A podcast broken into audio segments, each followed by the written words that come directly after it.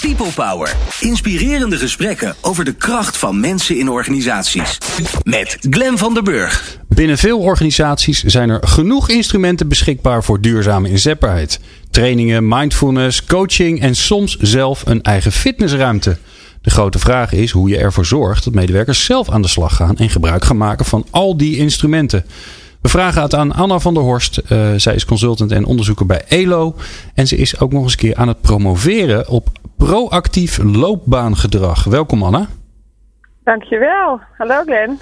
Nou, Anna, uh, ja, dit is een beetje de, de, de, ja, de, de, op zoek naar de silver bullet, hè, naar het gouden ei, de, de oplossing voor duurzame inzetbaarheid. Al die instrumenten die zijn er wel. En ik, nou, jij, zal dat ook hebben als je met HR-professionals praat of met leidinggevenden. Dan, dan hebben ze van alles en nog wat in de aanbieding. Maar ja, uiteindelijk gaat het er toch om dat mensen zelf het stuur in handen nemen. En ja, daar weet jij heel veel van af. Dus, dus wat, moeten wij doen om, uh, om dat voor elkaar te krijgen?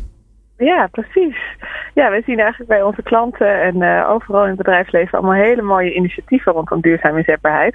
Maar we zien ook dat het vaak een uh, grote uitdaging is om echt in de praktijk uh, mensen in beweging te krijgen en te zorgen dat die mooie initiatieven ook effect hebben. Dus daar zijn we druk mee bezig geweest de afgelopen periode om onderzoek te doen om te achterhalen wat nou echt werkt en wat impact heeft. En dat is eigenlijk wel mooi, een mooie parallel ook met onderzoek zelf. Hè, dat we, we besteden veel aandacht aan achterhalen wat nou precies proactief loopbaangedrag is. Hè. Wat hebben mensen qua gedrag nodig om goed uh, met transities uh, in de loopbaan om te gaan. En tegelijkertijd werkt dat onderzoek pas als dat ook in de praktijk wordt gebracht en er ook echt wat mee gebeurt. Mm-hmm. Dus dat is wel heel leuk om te zien dat dat ook werkt. Um, en ja, ik denk wat mooi is om misschien als eerste toe te lichten, is dat duurzame inzetbaarheid, als we het daarover hebben, hebben ze binnen organisaties het heel vaak over dat mensen zich zo goed mogelijk moeten kunnen aanpassen aan wisselende omstandigheden en aan werk. Mensen moeten er steeds voor zorgen dat ze in huis hebben wat er gevraagd wordt en dat ze goed kunnen omgaan met hun werk op zo'n manier dat ze van waarde blijven voor een organisatie. Maar wij zeggen eigenlijk, zou je dat niet moeten omkeren? We hebben werk ontwikkeld uh, voor mensen, niet andersom. Uh, dus zou je niet veel meer moeten kijken naar hoe kunnen we nou in organisaties dingen zo inrichten dat dat werk zo lang mogelijk goed bij mensen blijft passen. Zodat het werk ervoor zorgt dat het mensen aanzet tot dat gedrag wat juist zo gunstig is om langdurig uh, waardevol aan het werk te blijven. Mm-hmm. En uh, ja, nou, er zijn verschillende dingen die daarbij, die daarbij een rol spelen. Zo hebben we gezien in het onderzoek de afgelopen tijd dat, dat verschillende eigenschappen van mensen een grote rol spelen. En een van de belangrijkste eigenschappen is eigenlijk eigenaarschap. Dat is iets waar, uh, ja, waar veel over gepraat wordt binnen organisaties. En we noemen dat ook wel eens een interne locus of control. Dus eigenlijk gaat dat over het gevoel dat je zelf invloed hebt op uh, het verloop van je loopbaan. Of zelf invloed hebt op uh, je werk. Hoe je, hoe je dingen kan aanpakken. Oké, okay, die moeten we even opschrijven hoor. Want die gaat het goed doen op feestjes. Locus of control. Ja, een interne ja. locus een of control. En ook nog eens een interne locus of control. Ja. Dat is belangrijk. Oké, okay. ja. okay, maar even, even zodat ik het snap. Hè? Even zodat ik het snap. Dat gaat er dus om dat je zelf het gevoel hebt dat je er wat aan kan doen. Ja, en ook dat je de, vooral de uitkomsten van, uh, van jouw uh, uitkomsten van dingen toeschrijft aan jouw eigen gedrag. Dus op het moment dat iets goed gaat, dat je er trots op kan zijn. Maar ook op het moment dat iets minder goed gaat, dat je er kritisch naar kan kijken van wat heb ik zelf daarin uh, kunnen beïnvloeden. Oké. Okay. En eigenlijk zo'n houding, zo'n interne locus of control, zorgt ervoor dat mensen veel makkelijker leren van fouten en dat ze veel makkelijker ook zelf tot actie overgaan. Maar wat we vaak in de praktijk zien, is dat als je werk uh, op een traditionele manier inricht, hè, met een leidinggevende die je concreet vertelt wat je moet doen en uh, die ook erg stuurt op hoe je dat aanpakt, um, uh, is het veel moeilijker voor mensen om zo'n interne locus of control te ontwikkelen. Want eigenlijk als er, als er heel weinig ruimte is om zelf te bepalen of om zelf initiatief te nemen, ben je ook veel minder snel geneigd om de uitkomst van jouw werk toe te schrijven aan je eigen gedrag. Oké, zeg je dan um, beste leidinggevende of beste HR-professional, um, doe minder? Ja, misschien wel. We zien een uh, grote trend dat zelfsturende teams bijvoorbeeld uh, in veel organisaties uh, nu beginnen op te komen. Maar in ieder geval wat belangrijk is, is dat dit kan je met een leidinggevende doen of zonder een leidinggevende. Dat mensen in ieder geval de kans krijgen om zelf verantwoordelijkheid te nemen voor hoe ze hun werk inrichten. En de een zal altijd van nature sterker zo'n interne locus of control hebben dan de ander. Maar toch, uh, met de omgeving kan je wel heel erg daarop sturen. Of je kan het ook heel erg de verkeerde kant op sturen. Hè, door uh, de controle of de invloed bij mensen weg te houden. Ja, dat is natuurlijk altijd de vraag. Hè? Zit dat al in mensen? Is het een soort, soort ja, natuurlijk genetisch overgedragen ding? Of je dat wel of niet hebt, of je wel of niet uh, de, wat er om je heen gebeurt, of je dat toeschrijft aan je eigen handelen of niet. Is, en is, is, is dat een belangrijke factor? Ja, dat is zeker een belangrijke factor. De ene heeft een karakter waarbij dat veel meer vertegenwoordigd is dan de ander. Uh, maar dat neemt niet weg dat je met de juiste omgeving zoiets juist heel erg kan stimuleren of, uh, of ook tegen kan gaan. Dus je zou ook mensen die dat van nature wel hebben, het ook kunnen afleren op hun werk. Oké, okay. maar, en, maar je moet in ieder geval min, ja? hè, als leidinggevende wat minder doen, wat minder uh, het stuur in handen nemen. Wat, wat kun je nog meer doen? Nou, een ander mooi voorbeeld is, we hebben ook gezien dat mensen die veel interesse hebben in leren en ontwikkelen, het veel makkelijker vinden om proactief hun eigen loopbaan vorm te geven. En ook veel makkelijker door transities heen komen. Dus meer proactief loopbaangedrag laten zien. Uh, en dat is ook bij uitstek zoiets hè, dat de een vindt leren en ontwikkelen veel interessanter dan de ander. Uh, en toch, als je mensen uitdagend werk geeft, of mensen hebben een baan die ze uitdagend vinden, is de kans veel groter dat ze tot op late leeftijd, tot in latere loopbaanfases, heel actief interesse blijven houden in het leren en ontwikkelen. En dat is iets waar je natuurlijk veel op kan sturen. Ja. Ja.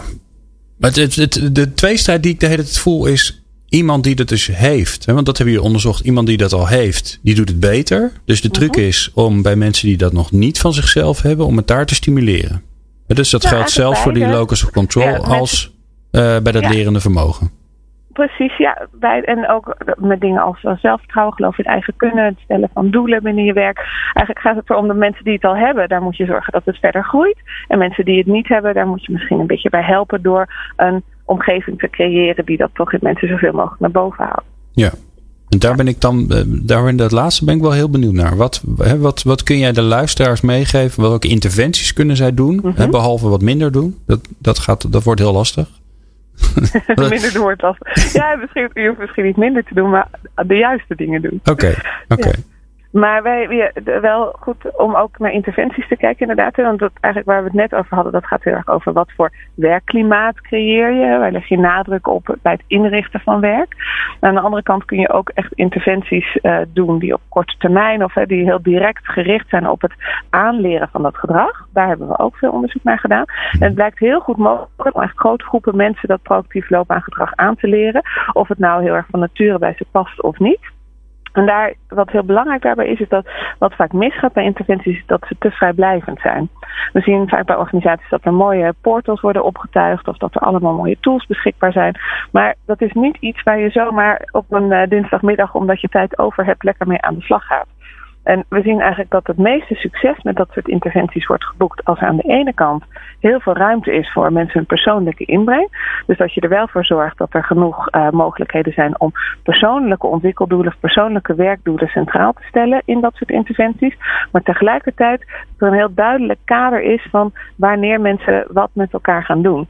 En we hebben bijvoorbeeld gezien dat je kan heel mooi online tools gebruiken. Mensen zelf uh, meer inzicht laten krijgen in wat ze in huis hebben, wat hun kwaliteiten zijn, wat ze graag zouden willen, wat hun dromen zijn binnen het werk. Dat helpt om een mooi verhaal over jezelf, een mooi coherent verhaal over jezelf richting geeft te ontwikkelen. Maar het gaat pas echt uh, gedrag beïnvloeden op het moment dat je iets eromheen organiseert, waarbij mensen feedback kunnen ophalen, waarbij erop gereflecteerd wordt en waarbij het echt vertaald wordt naar concrete plannen. En dat is vaak iets wat je moet organiseren met elkaar, wat mensen niet uit zichzelf uh, uh, vaak goed kunnen neerzetten. Ja, en jij, zegt het, het is, het is te vrij, vrijblijvend. Um, en het, de spannende tweestrijd die, ik voel is dan enerzijds moet je zorgen dat het niet vrijblijvend is. Anderzijds op het moment dat je het gaat verplichten, dan ben je volgens mij ook de plank mis aan het slaan. Dus, dus heb je nou heb je bijvoorbeeld een voorbeeld van, van een bedrijf of een organisatie die die, die, die, balans heeft gevonden? Uh, ja, ja, dat kan zeker wel. Wat, wat bijvoorbeeld, uh, we hebben ook veel bij bedrijven gedaan. Maar wat we wel mooi vonden, waar we juist dit uh, probleem uh, goed met elkaar konden vergelijken, is dat we hebben gekeken naar jongeren die de eerste stap maken naar de arbeidsmarkt. En daar hebben we het uh, semi-verplicht en vrijwillig onderzocht. En we vonden daar eigenlijk weinig verschil in, uh, in het effect. Dus je kan zeker wel ja, het echt helemaal verplicht. Kijk, als iemand niet wil, dan wil die niet. Hè. Je kan niet iemand verplichten om iets te leren. Maar het gewoon organiseren voor een groep en zeggen met elkaar gaan we op deze datum uh, het erover hebben, een verhaal maken, reflecteren op de uitkomsten.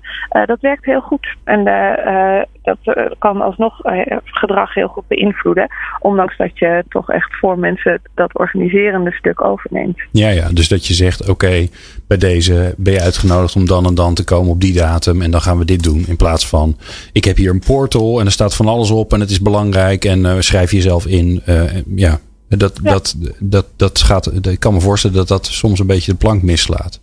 Ja, we hebben bijvoorbeeld gezien bij een grote groep mensen die al heel lang uh, uh, administratieve functies uh, bij een onderwijsinstelling vervulden. En er moest iets, moest iets anders voor in de plaats komen bij die baan. Dus er was wel echt een reden om ook iets met die te gaan doen. En hebben een aantal mensen zelfstandig uh, achter de computer dingen ingevuld en uh, dat helemaal zelf geprobeerd te doen. En we hebben een groep gevolgd mensen die dat zelfstandige deel hebben gecombineerd met een event. Het eigenlijk een event waarbij er allemaal mogelijkheden waren om verschillende workshops of activiteiten te doen. Zodat je wel heel veel ruimte openlaat uh, om mensen zelf te laten kiezen wat voor hen van waarde is op dat moment. En die mensen die die combinatie met dat event hadden, die maakten veel meer sprongen vooruit op het gebied van het proactief loopbaangedrag dan mensen die dat helemaal zelf moesten doen. Oké. Okay. En, en, en, en wat, wat, denk jij wat daar dan achter zit? Hè? Want ik kan me voorstellen dat dat niet te onderzoeken is, uh, omdat er op zo'n event zoveel gebeurt. Maar wat, wat, wat ja. verwacht je wat, dat nou de, ja, wat, wat nou de trigger is geweest? Nou, um, we kijken wel vaak naar. Uh, er is een heel groot onderzoek geweest uh, van uh, Brown en Crane, heet die onderzoekers. En die hebben gekeken naar, op metaniveau naar allemaal verschillende interventiestudies over interventies op groepsniveau. want het is ook belangrijk dat iets op grote schaal ingevoerd kan worden, zodat veel mensen er gebruik van kunnen maken. Kijk, één op één coaching werkt bijna altijd wel, hè, maar dat is ook heel intensief en ook duur. maar zij hebben daar toen een paar hele mooie elementen uitgehaald van wat is nou echt belangrijk. En wat echt belangrijk blijkt voor effect in de praktijk, is dat mensen feedback krijgen van anderen en kunnen reflecteren op het inzicht wat ze over zichzelf hebben opgedaan. Um, en dat ze, uh, um, en dat ze ook vaak bijvoorbeeld succesverhalen kunnen horen van anderen. Dus dat ze zich kunnen identificeren met mensen die succesvol door zo'n soort transitie eerder heen zijn gegaan, zodat ze daar geïnspireerd door worden. Oké. Ja. Dus ik denk dat als je die elementen op allemaal verschillende manieren laat terugkomen in zo'n groepsinterventie, maakt het niet eens zo heel veel uit hoe. Als er maar een moment is waarop mensen zeggen, nu ga ik ervoor zitten om conclusies eruit te trekken, om uh, erop te reflecteren en om vooruit te plannen. Mooi. Jeetje zeg, er ligt nog een wereld voor ons open. Volgens mij kunnen we er nog een uur over praten, over uh, het onderzoek wat je aan het doen bent. Je, ben, je bent nog niet gepromoveerd, hè, maar je bent op weg. Dus volgens Ah, mij, klaar. als Ja. je gepromoveerd bent, dan moet je maar eens gewoon eh, weer naar de studio komen, Anne. Nou, dat gaan we zeker doen. Dankjewel. Anne van der Horst van ELO. Eh, we spreken je snel weer. Oké, dag. Hoi. Goedemiddag. Dag. Ja, we gaan eh, zo naar het, naar het einde van het programma. En ehm, ja, ik had, ik had vrijdag zat ik een beetje op LinkedIn rond te kijken. En daar viel mij een, een post op van het UWV. En dat irriteerde mij nogal. Dus daar ga je straks meer over horen. Nieuw Business Radio. Ondernemende mensen, inspirerende gesprekken. Let's talk business.